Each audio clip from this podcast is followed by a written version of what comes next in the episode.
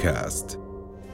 موجز الأخبار من رؤيا بودكاست. يغادر جلالة الملك عبد الله الثاني أرض الوطن يوم غد إلى ألمانيا لإجراء عملية جراحية لمعالجة انزلاق غضروفي في منطقة العمود الفقري الصدري.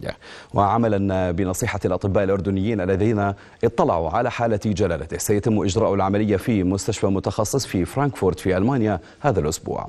وكان جلالته يعاني سابقا من هذه الآلام في العمود الفقري بشكل متقطع نتيجة للقفز المظلي خلال سنوات خدمته في العمليات الخاصة إلا أن الضغط على العصب جراء الانزلاق الغضروفي قد ازداد في الآونة الأخيرة ما زاد من الألم واستدعى إجراء العملية. على نحو عاجل وفق نصيحة الأطباء. ويتبع إجراء العملية فترة من الراحة تمتد لحوالي أسبوع قبل عودة جلالته إلى أرض الوطن.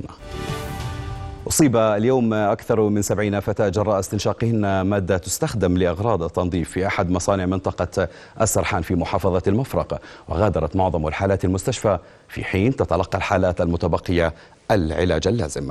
وزير العمل نايف ستيتي أعلن فتح تحقيق بحادثة الاختناق.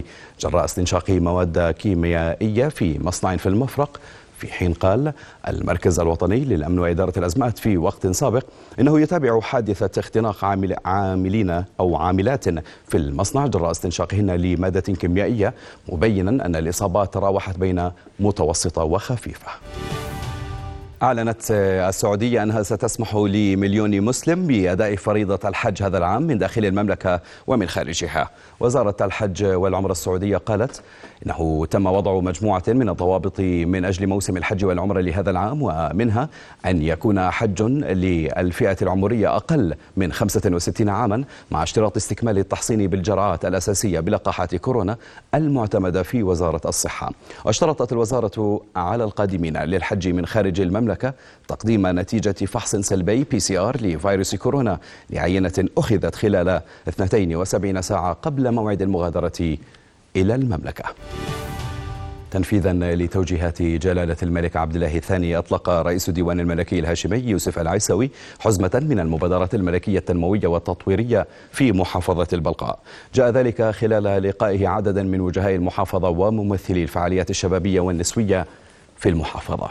وشملت المبادرات بناء 100 وحدة سكنية من مساكن الأسر العفيفة وإنشاء مصنع ضمن مبادرة الفروع الإنتاجية لتوفير من 200 إلى 400 فرصة عمل ووسائط نقل لهم إضافة إلى تحويل مجمع الأمير الحسين بن عبد الله الثاني الرياضي إلى مدينة رياضية متكاملة للنهوض بالحركة الشبابية والرياضية في المحافظة وإنشاء حديقة في منطقة ماحص لتكون متنفسا لأهالي المنطقة والمناطق المجاورة. شيع الفلسطينيون في مخيم جنين شمال الضفة الغربية جثمان الشهيد أحمد السعدي والذي ارتاق خلال تصديه لاقتحام قوات الاحتلال للمخيم صبيحة هذا اليوم وحصاره له ضمن عدوان يضاف لسلسلة العقاب الجماعي الذي يمارسه الاحتلال بحق الفلسطينيين تحت عنوان كاسر الأمواج. أعلنت وزارة الدفاع الروسية اليوم تدمير مستودع ذخيرة في قاعدة جوية استراتيجية وسط أوكرانيا. وذكر المتحدث باسم وزارة الدفاع الروسية إيغور كوناشينكوف إنه جرى تدمير ميج 29 وطائرة هليكوبتر من طراز مي ثمانية تابعتان للقوات الجوية الأوكرانية في الهجوم على القاعدة الواقعة في منطقة بولتافا. وتنبع أهمية هذه القاعدة الجوية أنها تقع في وسط المسافة بين كييف والشرق الأوكراني حيث تكثف القوات الروسية هجومها.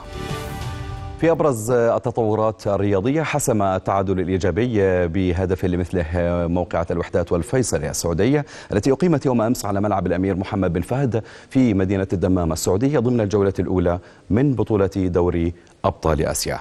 وتقدم الفيصلي بهدف السبق في الدقيقة الثالثة عشرة بواسطة هشام فايق قبل أن يعادل الوحدات. النتيجة في الدقيقة الخمسين عن طريق اللاعب أحمد سمير ليرفع بهذه النتيجة الوحدات والفيصلي رصيديهما إلى نقطة واحدة. بالتساوي مع السد القطري ونازاف الأسبكي اللذان تعادلا أيضا بهدف لهدف.